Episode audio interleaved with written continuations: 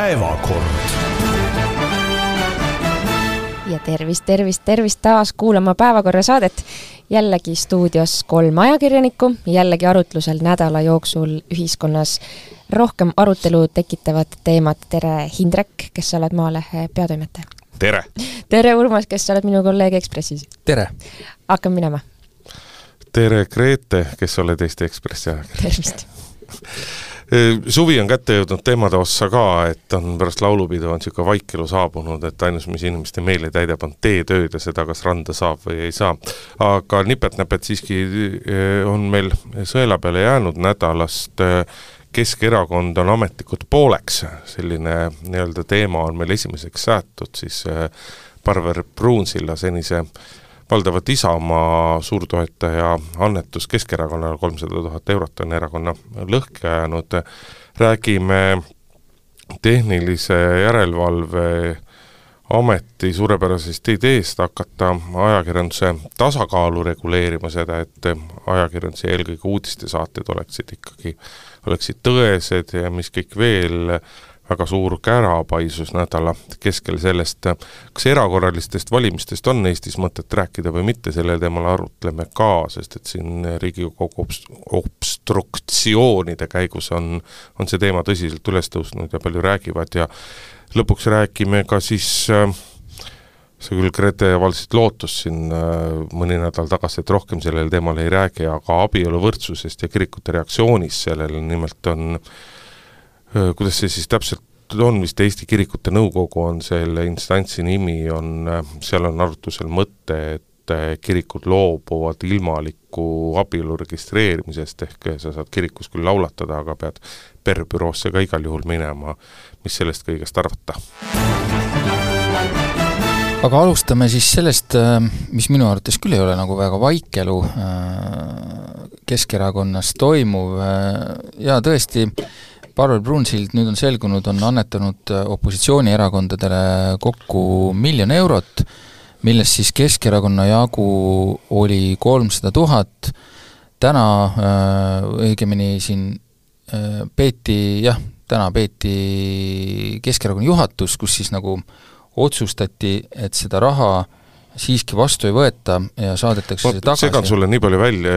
nii palju vahele, et kuna sa selle täna ütlesid, siis et kui tavaliselt kuulajad niimoodi paaniliselt igal reede hommikul ootavad meie saadet, siis seda nad saavad kuulda, aga me salvestame seda neljapäeva õhtul seekord. jaa, seekord on nii. et aga asja juurde tagasi, äh, Keskerakonna juhatus läks nii vaidlema selle raha üle, et mida sellega pihta hakata, et tehti juhatuses hääletus ja üheksa-seitse jäi peale nii-öelda äh, Michal Kõlvarti tiib, kes siis arvab, et see raha tuleb äh, tagasi anda ja mitte vastu võtta ja ähm, sellest siis võikski rääkida, minu arust näitab see väga selgelt ühte asja, mis oli varem tegelikult juba niigi selge, aga mitte nii äh, noh, korralikult numbriliselt, äh, et see erakond on ka juhatuse tasemel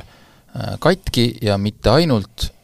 katki selliselt, et erakonna esimees Jüri Ratas tegelikult ei kontrolli juhatust. mis tähendab, kui niimoodi väikese mööndusega öelda, et ta ei juhi seda erakonda. aga miks see sulle üllatusena tuleb -hmm. sest et kui me nüüd mõtleme viimasele, viimastele kuudele pärast Riigikogu valimist, siis pärast juhatuse ümbervalimist oli ju teada, et see on pigem Kõlvarti poole kaldu ja kui me nüüd meenutame seda äh, kuidas selle asja täpse, täpne nimetus oli Keskerakonna volikogu või kus arutati, kas äh, kutsuda kokku erakorraline kongress ja valida seal äh, erakonnale esimeest, äh, siis ju oli ühe häälega jäi peale seisukoht mitte seda kongressi korraldada, et selles mõttes see, et seal on olukord nii pingeline, on on ju ette teada, pentsik on natuke lihtsalt see, et arvestades, kui rahahädas on Keskerakond, siis tüli on praegu üles kistud nagu sellise asja pealt nagu, nagu kolmsada tuhat eurot, mis Parvel Pruunsilla käest tuli, tundub vist, et Keskerakonnale ootamatu, et kui sellest annetusest korra rääkida, siis miljon eurot Pruunsild opositsioonierakondadele andis, nelisada tuhat läks Isamaale, mille liige ta ise on, EKRE sai kolmsada tuhat ja Keskerakond ka kolmsada tuhat. No see ei ole mulle selles mõttes jah üllatus, aga vaata, nende asjadega on alati niimoodi, et kui meie siin suhtleme poliitikutega, siis meil tekib mingisugune pilt sellest, et et äh, mis need jõuvahekorrad võivad olla, aga neid, neid päriselt näitavad alati sellised hääletused, äh, mida noh, näiteks juhatustes võib-olla üldiselt proovitakse vältida, sest alati lekivad, kui palju ja kes kelle poolt kuskil oli, noh, volikogud seal ei saa nagu vältida sellist asja, seal ongi normaalne, et hääletatakse ja sealt oligi tõesti esimesena ka näha, kui pooleks see asi on aga juhatuse osas noh, see on ikkagi seni olnud selline tunnetus, et eh, kes kelle poolel on ja kes on kellega kuskil eh, ametis kõrvuti olnud või koos asju teinud. et nüüd on meil see pilt ees lihtsalt selle numbriliselt, et, eh, et niimoodi see juhatuse hääled, hääled jagunesid ja Kõlvart blokeeris erakonna juhi soovi või otsuse. Ehk siis kui, kui siin tundus, et Jüri Ratas püüab nagu seda äh, Mm, noh, niisuguse vaikselt radari all libistada sinna Euroopa Parlamendi valimisteni ja korralise kongressini välja erakonna juhina, siis äh, mulle näib, et Kõlvart seda plaani sugugi nagu ei jaga, et äh, se-, seda sa ütlesid õigesti, et, et huvitav, et selle raha üle on hakanud, mulle tundub ka, et ega kui vaadata, mis põhjendusi Kõlvart on öelnud, miks seda raha vastu ei peaks võtma, siis siis noh, need on natuke niisugused hägused ikkagi, et me oleme ikka mingi mainekahju ja me oleme kriminaalkorras karistatud erakond ja kui nüüd on selle annetusega peaks siin mingi jama tekkima, et noh, siis on mingi, mingi häda, et see tundub selline no ütleme, niisugune üsna hägune ikkagi, et äh, võiks kahtlustada, et see põhiline soov seal on ikkagi see, et avanes võimalus äh, näidata just nimelt seda jõuvahekorda. miks kahtlustada, oh vabandust, Grete! ei, räägi, räägi, väga huvitav kuulata, aga siis mõtlen, mis ma, mis ma lõpuks lisan, aga et Äh, ja ma jäin ka ku-, noh, kuulama neid argumente ja, ja vähemalt siis ütleme, et Delfile on ju siis vahendanud Emma Kummaleeri vaateid ühelt poolt Kõlvart, teiselt poolt Karilaid. ma ütleks, et ma nagu Kõlvarti laused veensid mind rohkem või, või ütleb, et kui ma nagu vaatan äh, seda maailma või seda arutelu läbi niisuguste ilusate helesiniste prillide, et inimesed on siirad ja räägivad, mis nad mõtlevad, siis, ähm, siis Keskerakonnal on lisaks rahaprobleemile on küll maineprobleem. ja neil on ka see probleem ju, et need, äh, nad kindlasti ei taha, et neid seotakse ühte punti, on ju, EKRE Isamaaga. see on ju ka see, miks need, äh, kuidas nad on käitunud ka on ju parlamendis, et fraktsioon on ennast püüdnud vähemalt distantseerida sellest pundist või sellest endisest nii-öelda nagu valitsusest või sellest niisugusest konservatiivsest sellest mm, tiivast aga, aga jah, ja siis Karilaiu, mis ta siis üks, üks argumentidest ähm, oli, et meil oleks vaja ikkagi kesknädalat välja anda. no sõbrad, et see, see teid nüüd küll ei päästa et, et Keskerakonna noh, reiting on seal püsinud nagu paar aastat juba enam-vähem sama koha pealt, ei ole nagu päris katastroofiline, aga mõeldes kaks tuhat üheksateist alguses, kus see küünis ju kolmekümne protsendi juurde või et noh, hästi suur tee on tuldud, et, et jah, et ma ei, ma ei tea nagu, kas see Kõlvarti ähm, see argumentatsioon tuleb siirast kohast või ta tõesti nägi praegu kohta, on ju, kust äh, siis lahku lüüa. aga mille pealt, kust tema rahalaevad siis tulevad, on see järgmine küsimus, on ju no kui tõesti Kõlvarti väljaütlemised sulle tundusid siirad, siis sa oled küll üks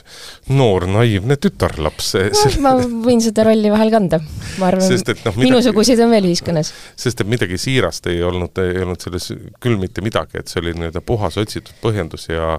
ja ka siis eh, Mihhail Kõlvart tahab öelda, et Keskerakond on jõudnud sellisele tasandile, et ta kontrollib iga, absoluutselt iga annetaja karistusregistrist üle, kohtumaterjalidest üle, ajakirjandusest üle, et see tegelikult ei ole ju nii, et need olid Need olid aga miks ei võiks põh... olla nii? ja ma tahtsingi just öelda, et Neid, neid annetajaid, kes nii suuri summasid annetavad, noh, et nad vist panid end, kas oli mingi viis tuhat eurot või oli see tuhat eurot see piir, on ju, neid annetajaid on väga üksikud, kes tulevad neil kvartalis selliste summadega, neid ei ole raske kontrollida. ma üldse, ma ja üldse nad, ei taha sinuga vaielda, kuigi annetus on annetus. on see viis eurot, viiskümmend eurot, viis tuhat eurot, viissada tuhat eurot mm -hmm. või mhm. viis miljonit eurot, et kõiki annetajaid peaks kohtlema võrdselt, et ei ole niimoodi, et et, äh, et teeme hierarhia, eks ole, et ausad inimesed võivad annetada nii palju, väikest viisi sulid, nende annetusvahemik on selline ja suurte sulide annetuse vahemik on selline, sellist asja ju ei ole. et ja. selles mõttes see praegu on selgelt ikkagi, see on, see on põhjenduste otsimine ja see on ärategemine. sa ei peagi olema ka suli et noh, teine asi ju... ei, ei, see muidugi ei pea, siis on sulle see ausa inimese kastikene ja tema annetuste vahemik olemas mm. -hmm. aga need, et äh, asi, mille eest Kõlvart võiks võidelda, kui ta seda siiralt juba teha ei taha, on ikkagi see, et sa ei saa lasta ühel inimesel osta Eestis maailmavaadet. et jah, see on tõesti, nagu Karilaid ütles ka, et see on ju kõige puhtakujulisem maailmavaateline annetus, et äh, Pruunsild tahab äh, perepoliitikat toetada ja tal ongi oma nagu selge visioon, kuidas Eestit peaks ähm, juhtima, aga sõbrad, see ei ole demokraatia, et ühel vennal on lihtsalt nii palju pappi, et ta ostab nagu erakonnad ära, need, kes seal kuskil reitingu mudas on. see on üks asi, mis on nagu huvitav okay., et vaadake, vaadake tõesti, millisest summast piisab Eestis, et ühes erakonnas, ühes Eesti suurimas erakonnas äh, lükata nagu gaas pealt ära, et kolmsada tuhat. No see on ikka palju ja raha. ongi kõik, no ta ei ole ikkagi palju Keskerakond sai viimati valimistele panna, natuke kaks korda nii palju kui sa mõt-, kui sa mõtled, et nende, et erakonnad, saavad valitsusse, eks ole, millised, millised vahendid on neil käsutada, ma ütlen mitte enda jaoks, vaid riigi poliitikate suunamiseks, siis see, see ei ole väga palju ja tõesti nagu nii, nagu mõelda, et sellise summa eest, ma arvan, et see kisa oleks muidugi läinud lahti ka ütleme, kolm korda väiksema summa eest. Mm, -hmm. aga, aga lihtsalt kui vähesest piisab, et, et ühes erakonnas nagu tõmmata üles nagu selline jama nagu raha üle, et ikkagi jah, ma ütleks, et suhteliselt odav on see, on see Eesti poliitika selle koha pealt, aga, aga nüüd sa, nüüd sa teed jälle selles mõttes poliitikutele liiga, et et me vaatame, kust otsast tahes me jõuame selleni, et see annetus on praegusel hetkel lihtsalt ettekääne, et kui sa mõtled seda, mille pärast on valitsused lõhki läinud, siis sa kogenud poliitikaajakirjanikuna oskad ju noh, ma ei tea, viimased viisteist, kakskümmend aastat nagu peast ette lugeda, mis need põhjused on, ja alati on valitsused loh-, lahku läinud tegelikult sisuliselt nagu tühise ja tähtsusetute asjade pärast, mitte Eesti riigi jaoks tõesti oluliste küsimuste tõttu. et äh, lihtsalt mingil hetkel see plahvatab ja siis otsitakse selle plahvatuse jaoks äh, antud hetkel sobiv põhjus, et, et see ei ole asi, see ja noh, teine asi, et äh, minu arust me ei tohiks nüüd selles mõttes langeda ka sellesse Parvel Pruunsile nagu müstifitseerimise äh, orki ka, et, et Parvel Pruunsilt tuleb, annab kolmsada tuhat Keskerakonnale ja ostab Keskerakonna käest, Keskerakonna käest siis nii-öelda maailmavaate või määrab Keskerakonna maailmavaate, noh kuulge, see ei, see ei ole ju päris nagu no, ma ei tea, ma ei tea, ma ei tea, ma ei tea, selles mõttes, et kui me vaatame, mida on öelnud äh, Mihhail Kõrvalt kommentaariks ERR-ile, siis on ta sinna, poetas sinna intervjuusse sellise lause äh,, tsiteerin, ma arvan, et on olemas veel üks väga tähtis aspekt siis selle annetuse juures Äh, koos selle annetusega tuli samal ajal ka ettepanek, kuidas seda raha jagada. nüüd ajakirjanik ei küsi-, tsitaadi lõpp, ajakirjanik ei küsinud siin edasi, et milles, milles see väljendub, aga kui lugeda ja kellelt, kellelt tuli täpselt, ma tahtsingi just selleni jõuda, et siin ei saa tegelikult täpselt aru, kas ta mõtleb, et see ettepanek tuli annetajalt endalt ehk Pruunsillalt või tuli see, ütleme, nendelt, kes Keskerakonnas nägid, et see raha piiks-piiks kandus üle ja juba peas jaotasid selle nagu tulpadesse, et kuhu seda kulutada, ja siis esitlesid juhatusele, et mida selle raha kõike võiks teha, et seda ei saa lõpuni aru, aga kui mina loen seda intervjuud kontekstis, siis mulle tundub, et Kõlvart tahab jätta muljet, et äh, Pruunsild ikkagi kirjutas midagi ette, kuhu seda raha tuleb kasutada, nüüd huvitav on see, et äh, Pruunsild ise on enne seda intervjuud, varasemates intervjuudes tänasel päeval öelnud, et äh, mingit niisugust asja ei ole, et kõik võivad noh, et ise teavad, vaatavad, kuhu kulutavad ja nii edasi. et selles mõttes äh, mulle tek-, noh, kumbki siin nüüd valetab, kui ma nüüd ei saa Kõlvartist valesti aru, et, et ta ei, et ta äkki tõesti peab silmas siin näiteks, et Keskerakonna äh, noh, seda annetust pooldavad juhid siis juba pakkusid välja, kuhu seda raha kulutada. seda ju iseenesest kuskil mingis meediakanalis ka Karilaid rääkis, et no, kuhu Karilaid, see raha oli no, mõeldud no,, et kui palju Keskerakond, Kesknädalale ja, ja nii edasi. kesknädala väljaandmiseks. tal võib olla peas küll nüüd, aga, aga huvitav on see, et me võime veel ka edasi mõelda, mis nüüd edasi saab, et kui ma vaatan, kuidas seda olukorda on hakanud kumbki pool ära kasutama, siis mulle tundub, et Jüri Ratasel on avanenud suurepärane võimalus. tahtsin ise ka just selleni jõuda, et tegelikult kõik see on nagu tähtsusetu, see, see on lihtsalt ajend nagu, nagu nagu Porto Franco uurimine oli ajend astuda Keskerakonnale välja EKRE-ga koos tehtud valitsusest ja nii edasi, see on lihtsalt ajend, et küsimus on sellest, mis saab Keskerakonnast edasi ja kas näiteks Mihhail Kõlvarti ja selle tema praeguse tiiva juhtimisel, kas Keskerakonnal on, on lootust tõusta uuesti Eesti kõige populaarsemaks erakonnaks praeguselt nii-öelda populaarsuselt kolmandalt ei. erakonna kohalt? ja vot, ja, ja, ja mina ütleks aga Jüri Ratase juhtimisel ka ei ole? noh, noh, aga kui, siis pigem kumma?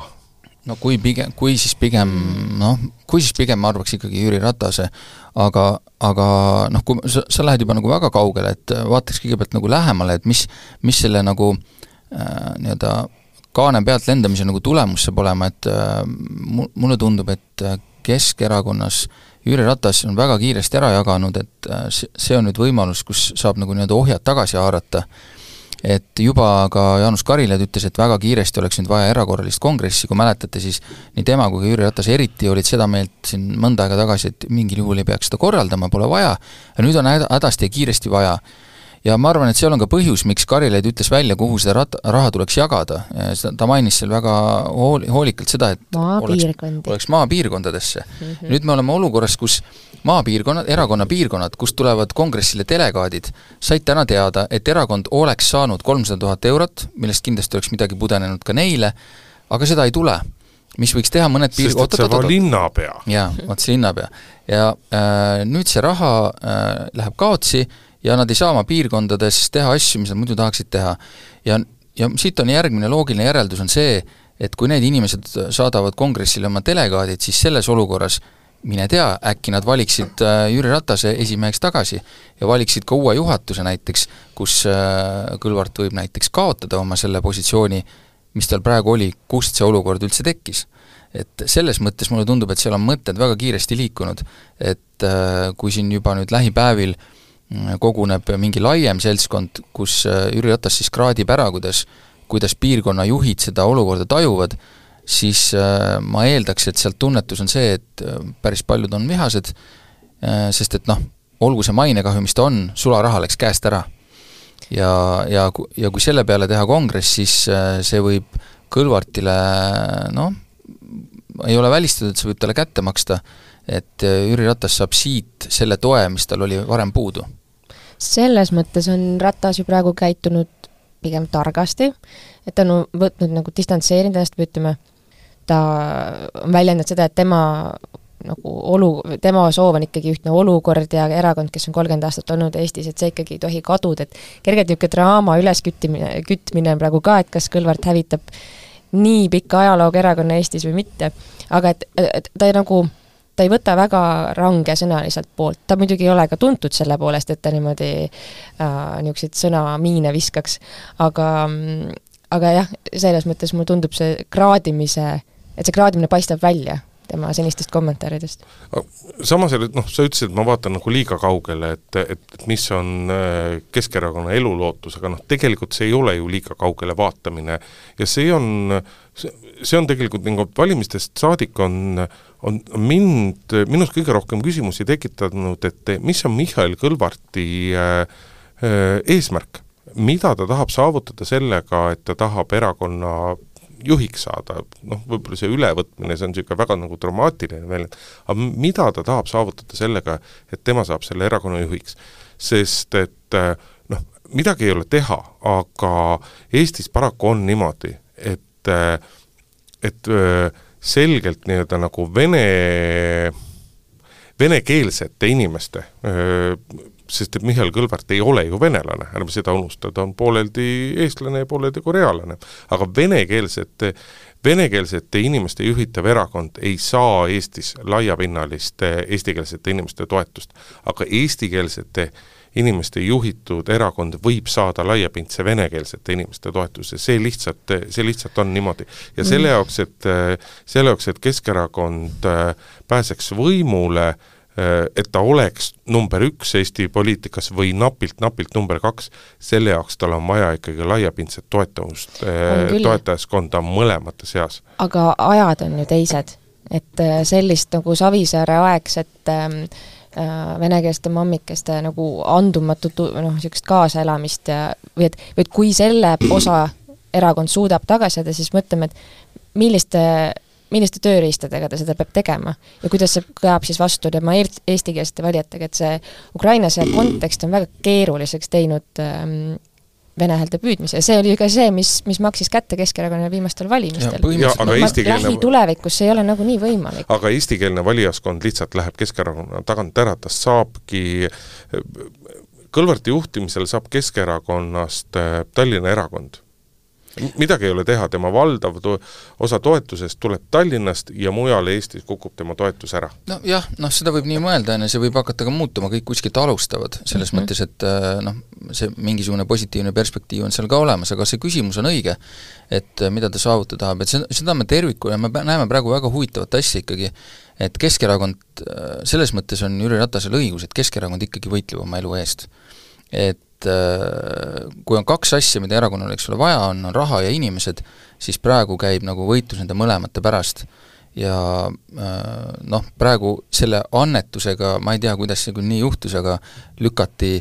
need kaks mõlemad korraga nagu nii-öelda torusse. et et äh, peab siin nagu valima, eks ole, et praegu, praegu on põhimõtteliselt antud valik, kas ütleme, Jüri Ratase toetajatele on valik antud kas nagu inimesed või raha, äh, Kõlvarti olete täpselt samamoodi, et et nagu suhteliselt raske, mina, mina julgeks ennustada, et see asi lõpeb praegu ikkagi sellega, et tulebki äh, nende poolt, kes erakorralist kongressi üldse ei tahtnud, tuleb nüüd kibekiiresti ikkagi erakorraline kongress. Ja proovitakse siis see asi nii-öelda lõplikult ära lahendada selles mõttes, et kuni siis järgmiste valimisteni või vähemalt järgmiste Europarlamendi valimisteni, et, et see, et Jüri Ratas nagu saaks oma nii-öelda kinnitatud mandaadi ja võidu kätte, et kas see tal õnnestub, kas äh, kellelegi nagu noh, kedagi kõnetavad need Kõlvarti alg-, argumendid, miks kolmsada tuhat eurot peaks tagasi lükkama, mis sulgudes ütlen siia vahele, et me võib-olla kõike veel tõesti ei tea ka selle annetuse kohta või või, või vähemalt on meile püüd-, tahetud muljet jätta, et me ei tea, ma muidugi ei usu Parvel Pruunsiljas seda, et äh, ta teeks mingeid avalikke annetusi selliselt, et seal on võimalik kuidagi mingit, mingit pidi lollisti vahele jääda. et wishlist tuleks kuskilt välja? nojah no., et no see oleks ikkagi ülimalt rumal, eks. et äh, seda ma temast kindlasti ei usu äh,, nii et äh, kuidagi ootamatult jah, on see olukord selline, et Keskerakond no, peab tundub, et järsku on hakatud sprinti jooksma, kuigi ilm on palav ja, ja, ja tegelikult peaks nagu maratoniga tegelema selle jaoks, et edukas olla. peaks küll ja peaks, Jüri Ratas peaks tegema väikese ekskursiooni või, või ringi sinna äh, nende küülikute farmi, mida sa tõmbad sealt ennast mustkunsti mütsist välja et, et kui ta saab oma kinnitatud mandaadi, siis ta peab ikkagi tulema välja mingisuguse Keskerakond kaks punkt null plaaniga. et noh, samasuguse sellise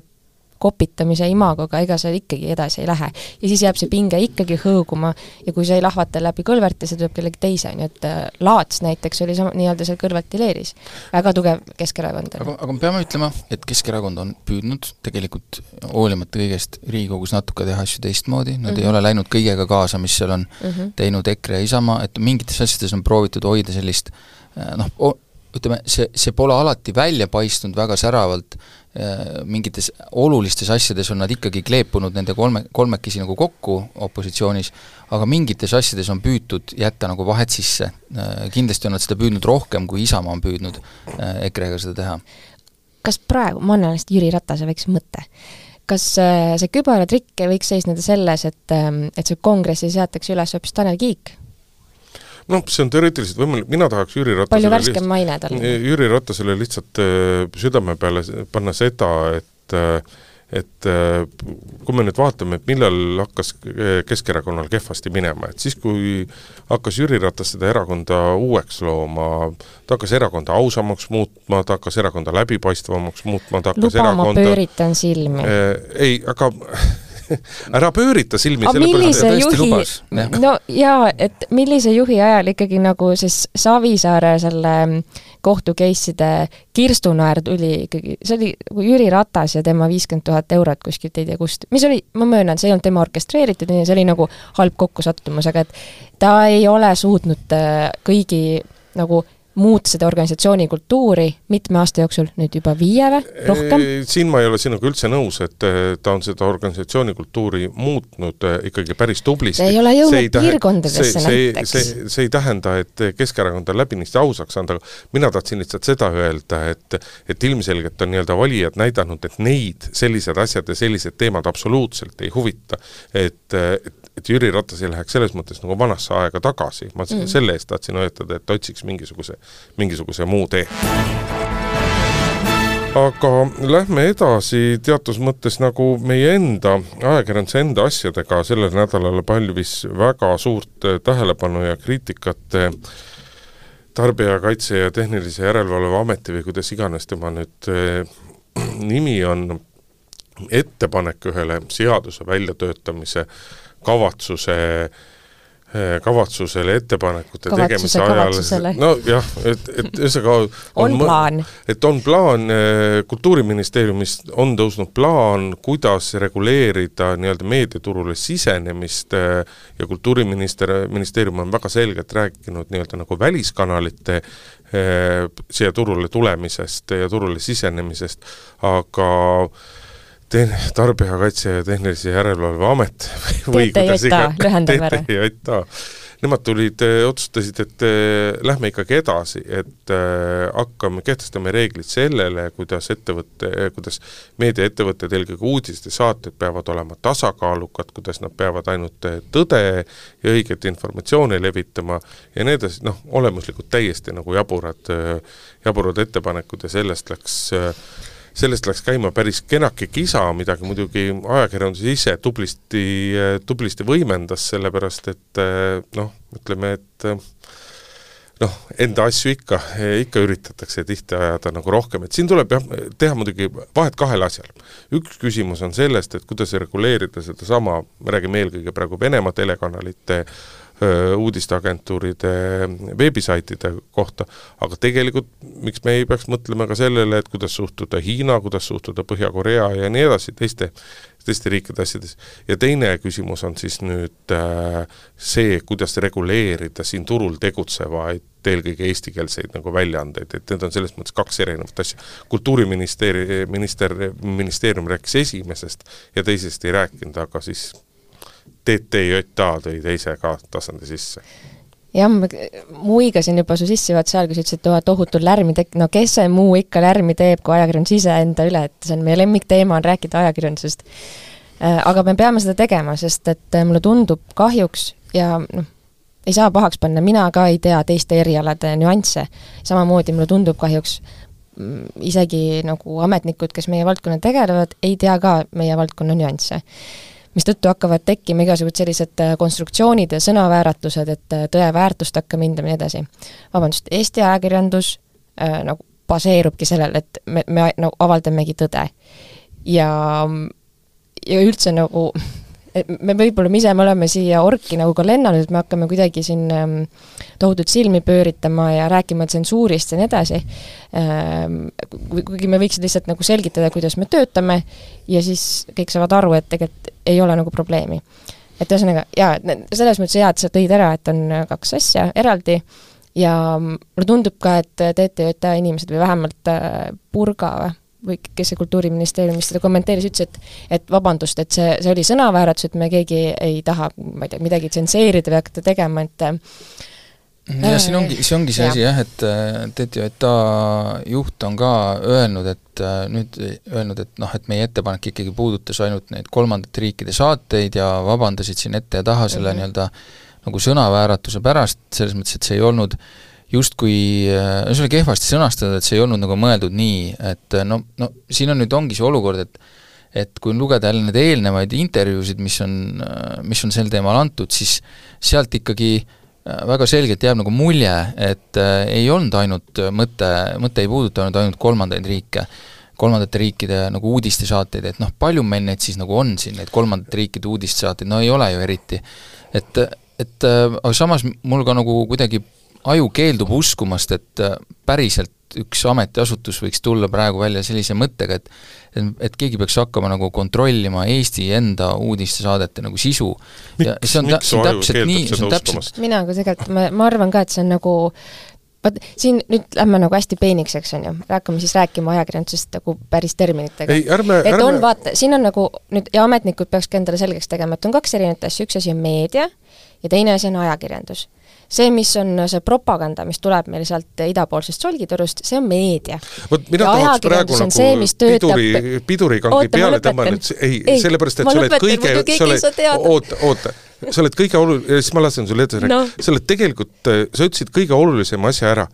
Ametnikud võiksid endale selgeks teha. Ja vot seal kohas on, ja nüüd sa saad öelda seda, et et Riiko ju ütleb jälle, et ajakirjandus ametnikud ei tea midagi. aga siin, siin ma nüüd jah, sisustan Riiko ja rubriigi ise e, et see on levinud aru, nagu meediamajades endad on ju samamoodi, et kui nagu me kasutame ise ka neid termineid läbisegi, aga nüüd on väga oluline vahet teha, et ajakirjandus on see asi, äh, need tekstid, olgu nad nagu tekstid mustvalgel, saated raadios või äh, telesaated eetris, on ju, Aktuaalses Kaameras, need on need asjad, kus info on kontrollitud. see on see, et meie ajakirjanike töö ongi kontrollida, kas mingi fakt vastab tõele või ei vasta ja kui me saame selle kontrollitud, siis me selle avaldame. ehk siis Eesti lugeja, kuulaja, vaataja, sa saad meid usaldada, et äh, meie töö käibki ainult selle nimel ja nüüd meedia on mis iganes muu, alates on ju propagandast kuni ma ei tea, kas või äh, kinoreklaamideni välja, see on see, kui keegi tahab sulle mingisugust sõnumit, on ju, pähe müüa. ajakirjandusel on natuke teine roll, ajakirjandus tahab rääkida, mis toimub ühiskonnas, et sa saaksid teha kaalutletud valikud äh, kodanikuna, on ju.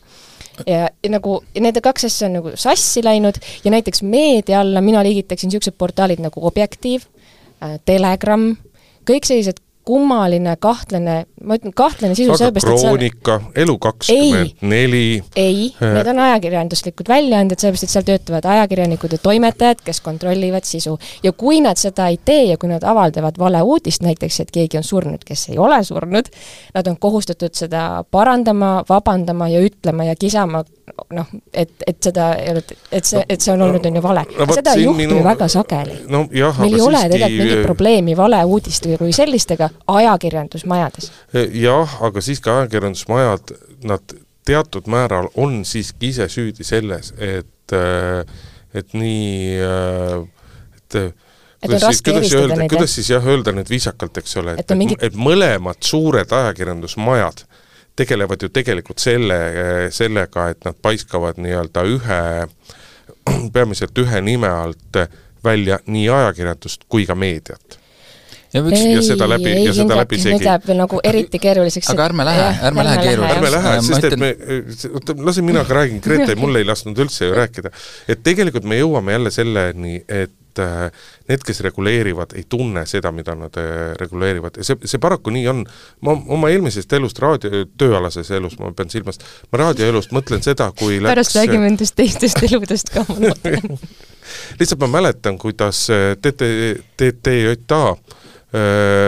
sai järsku nii-öelda raadiomaastiku regulaatoriks ja kuidas nad viisid esimest raadiolubade konkurssi läbi. ja see oli mingitel hetkedel oli see oli see väga nukker ja seal küll parandati vigu, aga kõik need tulid sellest, et hakati tegema ja reguleerima asja, valdkonda, mida ei tunta. ja siin on ka praegusel hetkel tegelikult see täpselt, mina ka suudan us-, mina suudan uskuda seda, et, et, et tahetigi sellist asja teha, aga taheti mitte nii väga nagu pahatahtlikkusest ja, ja kangest himust nii-öelda nagu Tõeministeeriumit kehtestada, vaid sellepärast, et lihtsalt ei mõisteta seda reguleeritavat valdkonda. Natuke, see kahjuks niimoodi on. natuke näitab tegelikult seda ka see, et eeskujuks toodi Läti, äh, kus on, kus siis õigusraamistik on selline, et äh, seal seal saab kontrollida, seal on, ja sealt on, Lätis pole nagu nii-öelda ajakirjandusega lood üldse eriti hästi, mm, seal on mõningaid väga tublisid ja tugevaid tegijaid, aga need on sellised äh, noh, väiksemad ja omaette tegutsejad seal ühel kurval äh, perioodil ajaloost äh, lõhuti selline hea ajakirjandus, üleriigiline suur ajakirjandus nagu ära. seda tegid oligarhid. Äh, mida tegid oligarhid täpselt äh, rahaga, on ju, eks ole, lihtsalt mitte, mitte mingit viidet andes siin eelmistele teemadele. et äh, Lätit eeskujuks võttes siin, noh, seal on olnud juhtumeid, kus juba on mingeid case'e kus mingites uudistesaadetes on öeldud justkui vales kastmes mingeid sõnu või midagi ja keegi on saanud seal ma ei tea, kas trahve või hoiatusi küüditamine on vist selline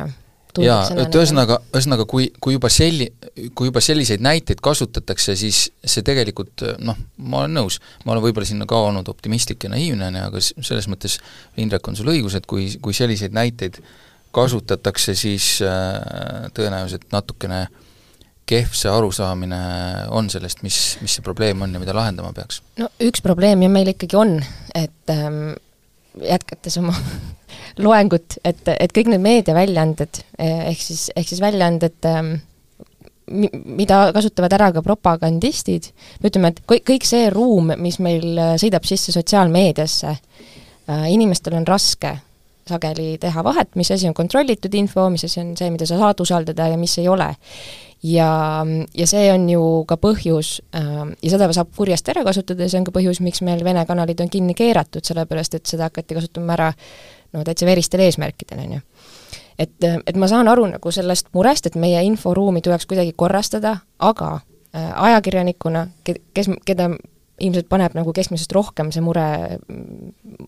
mõtteid mõlgutama, äh, samal ajal ajakirjanikuna ma ütlen, et mis iganes vormis vaba sõna, sõnavabaduse, väljendusvabaduse piiramine tekib, see on halb. et ähm, et selles mõttes ajakirjandust kontrollib ajakirjandus ise, no kuidas nad muud saakski öelda, ise on ajakirjanikud, aga pressinõukogu on meil selline organ, kuhu, kui te ka seda saadet kuulates tunnete, et me oleme teile liiga teinud, teil on võimalik kaevata sinna. ja, ja kõik ja me, ja, ja meil on, me oleme siis kohustatud järgmises saates vabandust paluma, ütlema, mida me valesti tegime, kui meile öeldakse, et me oleme üle piiri läinud, ehk siis et äh, meil on olemas oma eetikakoodeks, mm, seda me tõesti jälgime ja, ja see ongi nagu see on meediamajadele nagu auasi, on ju, et me nagu ähm, ärge muretsege, me saame ise hakkama endaga. ja kõik, kes, kes praegu tahavad hüüda, et õige, õige, neil Delfil ja Postimehel tulekist, et nad on raisad liberastid ja nii edasi, teie karjudes pidage meeles, et kui kõik see teoks läheb, siis kaovad ära teie uued uudised, kaovad ära teie Objektiiv, kõik sellised asjad kaovad ka ära, et see ei ole selles mõttes nii mustvalge. jaa, aga lähme edasi äh, järgmise teemaga, mis on pigem selline noh, hüpoteetiline, aga seda hüpoteesi võib-olla tasub natuke arutada, äh, tuleb see sellest Riigikogus äh, toimuvast ja, ja sellest, mis meid äh, ees ootab sügisel, et kas, kas keegi teeb mingeid pingutusi ja liigutusi selles suunas, et Eestis teha ära see, mida seni pole juhtunud, ehk erakorralised valimised, ja ausalt öeldes ma olen seda mõtet ka ise mõlgutanud, see ei ole Eestis lihtne asi, mida teha, aga kui vaadata, mida on opositsioon ütleme, millised, äh, millise talivilja nagu maha külvas, eks, siin äh, kevadel, et mis sellest, äh, mis sellest sügiseks ja talveks saab, ma lihtsalt, et nagu mitte olla nagu Rahvusringhäälingu ajakirjanik, siis ma selles mõttes tahtsin täpsustada, et kas sa oled mõelnud seda, kas keegi tahab erakorralisi valimisi esile kutsuda või sa oled mõelnud seda, kuidas sina saaksid erakorralisi valimisi esile kutsuda? ise ma mingit sellist plaani ei pea, sest mul on, mul on teisi asju, millele mõelda, aga, aga lihtsalt täpsuse mõttes? jah, et äh, ei, ma sellest ise sellist plaani tõesti nagu ei ole pidanud, aga kui ma vaatan seda, kui, kuidas äh, on äh, ette töötatud põld nende ähm, arupärimistega, äh, mis siin kevadel Riigikogus esitati, siis tekib niisugune tunne, et kellelgi on olnud mõte, et äkki on võimalik nendele vastamisega venitada protsesse Riigikogus nii kaua, et äh, riik, et valitsus ei saa õigeks ajaks vastu võtta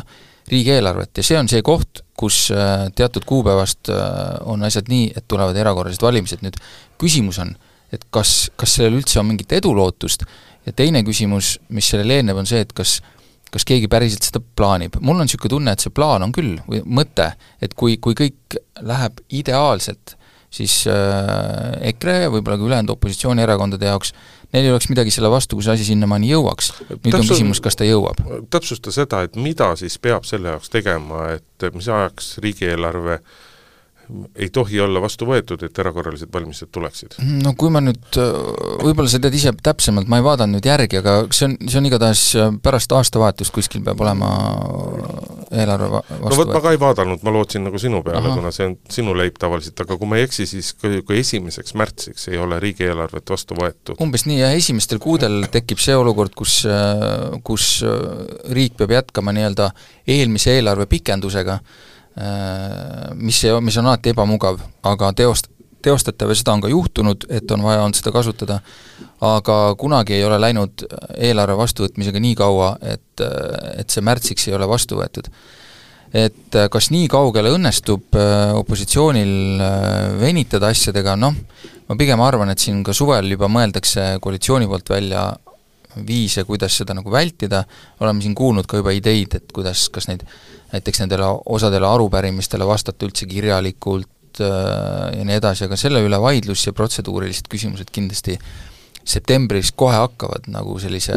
üsna järsu paigaltstardiga. oota, kas see tavaline rohi, mis nüüd leidis koalitsioon, et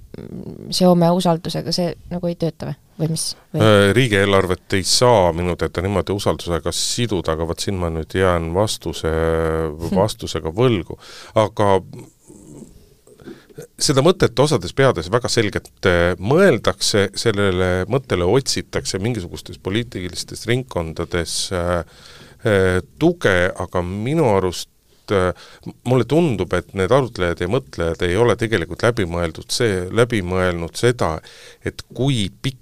peab see nii-öelda venitamine olema, reaalsus on ju see, et äh, sisuliselt septembri lõpus peab, äh, peab valitsus enda poolt järgmise aasta riigieelarve eelnõu ära kinnitama ja parlamendile saatma. ja kui me nüüd äh, võtame eelduseks, et esimeseks märtsiks peaks olema kinnitatud, siis see vahe on, on circa viis kuud okei okay,, kui see on esimene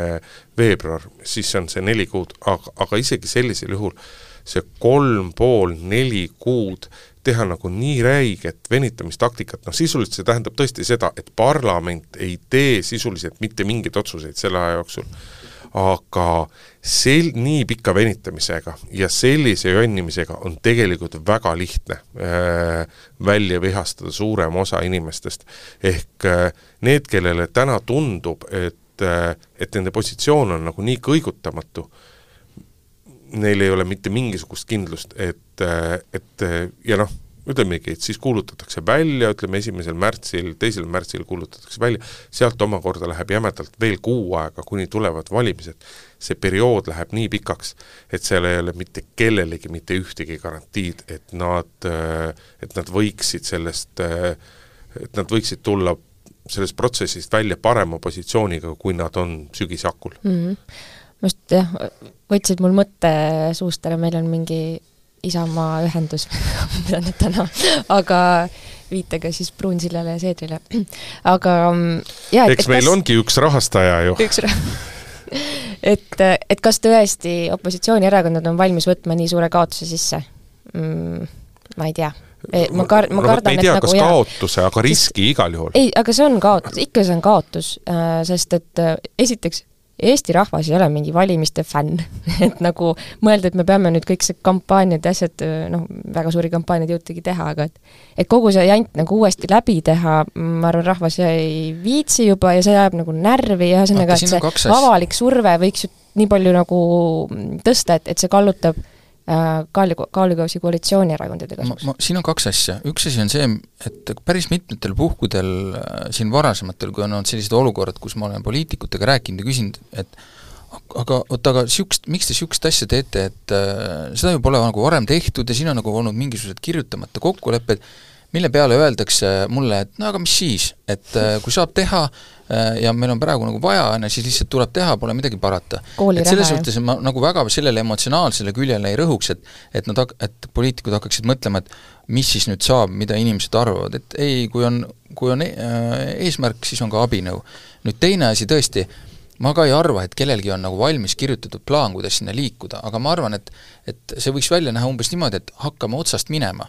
küll siis vaatame, äh, kuhu maani see asi välja jõuab, et et hakkame selle venitamisega pihta, äh, vahepeal tuleb mingeid asju vahele, tuleb, mingid olukorrad muutuvad, aga ütleme nii, et kui see asi peaks nagu sinnapoole liikuma, siis äh, keegi sellest nagu tagasi ei põrka, seda ma arvan ka. et, et jah, et tõenäoliselt ei ole nagu sellist joonistatud teekaarti, aga ma arvan, et nii-öelda kui on võimalik sinna suunda ütleme, pärast, ütleme, sa astud sammu kõrvale, siis on võimalik astuda üks samm edasi selle suunas, siis seda tehakse. et äh, ja noh, tõenäoliselt see muidugi ei õnnestu, aga noh, juba ainuüksi see mõte sellest, et, et äh, keegi selles suunas nagu mõtleb, on iseenesest tähelepanuväärne, ma muidugi arvan, et ühel hetkel Eesti näeb ka erakorralised valimised ära, sest kui see, kui see püss juba nagu laval on, eks ole, siis ta mhm. kunagi peab nagu ka pauku tegema, et et äh, millal see juhtub ja mis olukord see võiks olla, ei tea, aga noh, enamik riike vist, kui siin Euroopas on, mõned siin iga natukese aja tagant elavad mõne sellise läbi, ei ole nendega midagi juhtunud, meil ei ole neid toimunud, noh, küllap mingi hetk toimub ja sellepärast mulle tundubki, et et see praegune olukord paistab väga selline, et äh, järeleandmise soovi nagu kummalgi poolel selle nii-öelda nagu presidendi, presidendi sõnastuses umbsõlmega ei ole, et äh, ütleme, et eeltingimused selleks äikeseks on nagu, nagu loodud see ongi, tegelikult ongi kõige kurvem see, et seda hakatakse proovima. Äh, ja, ja just nagu sa ütlesid, et et hakkame minema, vaatame, kuhu me jõuame. aga see tähendab seda, et suur osa, suur osa sügisest on, on parlament taas kord töövõimetu. See on täiesti demokraatlik, see, niimoodi käib, see on, see on osa demokraatiast, küsimus on nüüd selles, et kas see on hea või kas see on halb. Ja tegelikult mingil hetkel me peame hakkama jälle nagu tagasi vaatama möödunud kevadesse ja mõtlema selle peale, et kelle võimuses oleks olnud seda oleks olnud seda asja ära hoida, kas kohe, kui koalitsioon oleks teinud mõned järeleandmised, mis siis on, ja selles mõttes on siin viimase nädala jooksul on päris palju tsiteeritud president Kersti Kaljulaidi, kes ka on viidanud, et, et pooled peavad kompromissile jõudma ja, ja, ja ta on öelnud, et et nii-öelda järeleandmisega peaks alustama Kaja Kallas ja see, see on päris märgiline, arvestades seda, kui õnnelik oli tema presidendina selle üle, kui EKREIKE valitsus langes ja, ja, ja, ja kuidas tema tervitas Kaja Kallase tulemist ja Reformierakonna tulemist peaministri erakonnaks. ta on olnud päris kriitiline Kaja Kallas suhtes ikkagi viimasel ajal et see, selles mõttes ma nagu ei, ei üllatu, et ta võib-olla, ta võib-olla ootab jah, et ma ei tea, et peaministril peab siis olema nüüd see lastekarjataja, kes kuidagi korra majja lööb. aga peabki ju tegelikult. oh, nojah, aga, aga mis nagu, ja ilmselt võib-olla peabki jälle, eks ole, tema võtma ja nagu alla neelama mingeid asju, mis on olnud isiklikult äärmiselt inetud tema suhtes ähm, mis tegelikult on noh, et see on ebaõiglane tema suhtes ja võib-olla tõesti tema peab siin olema nüüd siis ainukene riigimees, mis on irooniline, sest esimene naispeaminister, aga hea küll ehm,. ma, ma nagu eh, tahaksin siin esineda ka traditsionalistina, et kuhu on jäänud vanad head tagatoa läbirääkimised? nagu come on, poliitikud, võtke nüüd oma klassiku, klassikalised võtted välja ja rääkige omavahel, no mis, kuhu see jonnimine nagu viib, mille aga, nimel? aga vaata, siin ongi see, et märgiline ei ole mitte see, Eesti poliitikas märgiline ei ole mitte see, mis hakkab juhtuma järgmisel sügisel, vaid märgiline, märgiline on see, mis juhtus,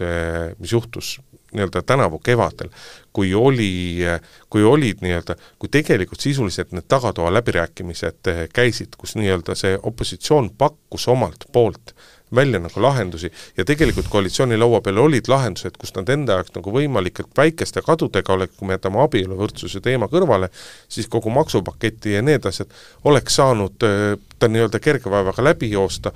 ja ei oleks hakanud see, see, see, see suhete äh, sassi minemine ei oleks hakanud sellise hooga kerima ja jõudnud tõesti tänaseks hetkeks sellele olukorda, selle, sinna kohta, kus väga keeruline on näha ja ette kujutada, kuidas need asjad nagu kerivad. ja mul, mulle tundub, et äh, kui ma vaatan nagu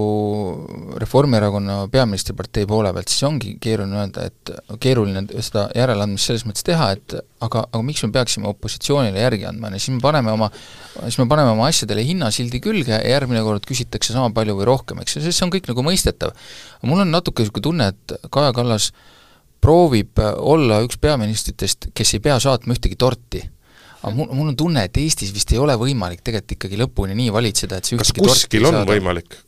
kus ei ole ühe erakonna võim? Äh, jah, vot ma arvan, et vist ei olegi, et äh, järjest rohkem mul see veendumus tekib, et tegelikult ikkagi lõpuks ilma torti saatmata ei saa ja äh, ühel hetkel tuleb need, need tordid ära saata, nüüd on küsimus, millise künka otsas neid nagu teha, eks et äh, praegu mulle paistab, et äh, Reformierakond ja Kaja Kallas on leidnud, et need ei ole need künkad, mille otsas tuleks see mõõk tõmmata või siis see nii-öelda tort posti panna, eks. et äh, eks me näe, aga mm, noh, jah, selles mõttes ma olen mingil määral nõus, et Kala, Kaja Kallasel on see positsioon, kust neid esimesi samme teha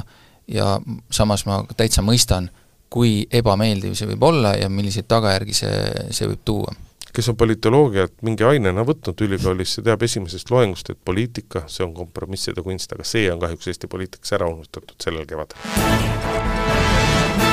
aga läheme siis oma viimase teema juurde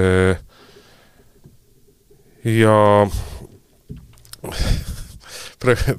hakkasime teineteisele kõik otsa vaatama, et, et mis, kes, kust ja nii edasi. mina ei oska seda sõnastada, seda teemat, ütlen. seda teemat sõnastada, ei... mina oskan küll seda teemat eh, selles mõttes sõnastada, et eh, Eesti Kirikute Nõukogu, mis siis puud-, eh, mis siis koondab endas kristlikke kirikuid äh, vot, vot nüüd ma jään küll selles suhtes hätta, eks ole. ütleme kirikute nõukogu küll. jah, ütleme kirikute nõukogu, kes koondab nii luterlasi, baptiste, nelipühilasi, katoliiklasi, õigeusklikke, aga mitte näiteks Jehoova tunnistajaid. Äh, nende, neil liigub mõte, mille osas otsust ei ole langetatud, et protestiks nüüd abieluvõrdsuse sea-, seadustamise vastu, kirikud loobuksid äh, kirikud loobuksid äh, selles mõttes, äh, loobuksid abielude registreerimisest. ehk äh, tuleks tagasi paarikümne aasta tagune olukord, kus sa väis-, võisid küll lasta ennast kirik, kirikus laulatada ja olid oma kaaslasega paari pandud jumala silmis, aga mitte riigi silmis, ehk sa pidid perekonnaseisuaktide büroos või kuidas seda iganes tänapäeval nimetatakse, perbüroos pidid igal juhul käima ja seal ka nii-öelda ametlikult, ametlikult abielluma, et nüüd selline olukord nagu nagu tagasi tuua. ja, ja noh, hoolimata sellest, et paljud inimesed nii-öelda nagu peavad seda, peavad seda mingisuguseks tähtsusetuks asjaks, siis me ei, siis meil ei ole mõtet unustada, et et kirikute nõukogu liikmeskirikutesse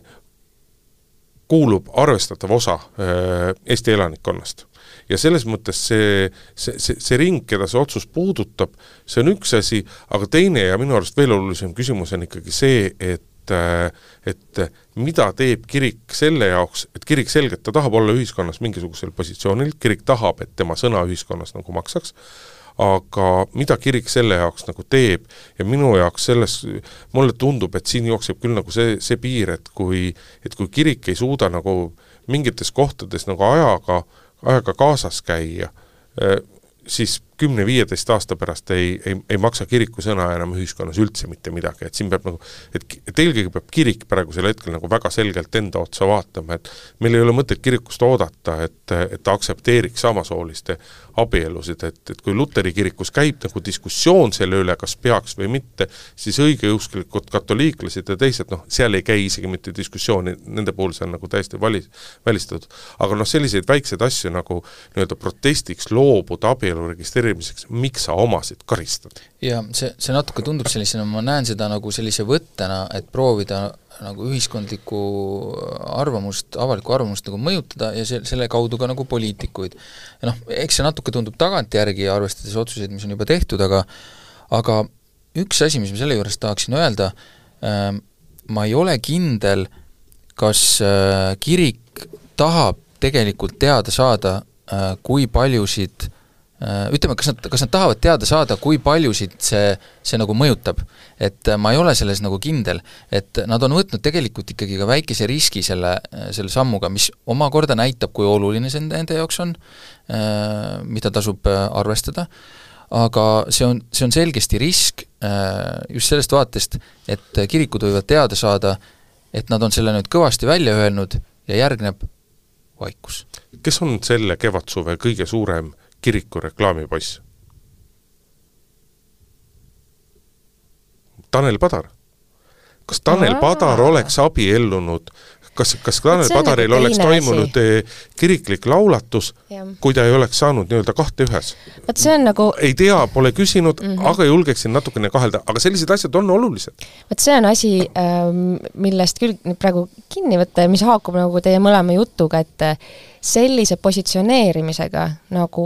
siis kirikute nõukogu on teinud, et ta on ikkagi päris tugevalt nagu niisuguse ähm, vaia maha löönud ja maa ta ei nagu ole veel lühenenud. teinud, sest otsust no, ei ole tehtud kommunikatsioon on selline, et äh, nüüd, nüüd on, nüüd on lõpp, on ju. ja siis ähm, eks nad,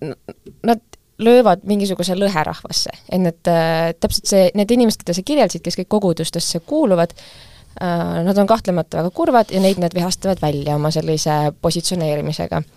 aga mida nad ei arvesta, ongi see, et, et noh, näiteks Tanel Padar, ma ei tea, kas, et ta oleks kristlane hea küll, jätame tema kõrvale. ma tean palju inimesi, kes äh, lähevad leerikooli lihtsalt selleks, et saada kirikus abiellud, et saada laulatatud lihtsalt sellepärast, et see on ilus,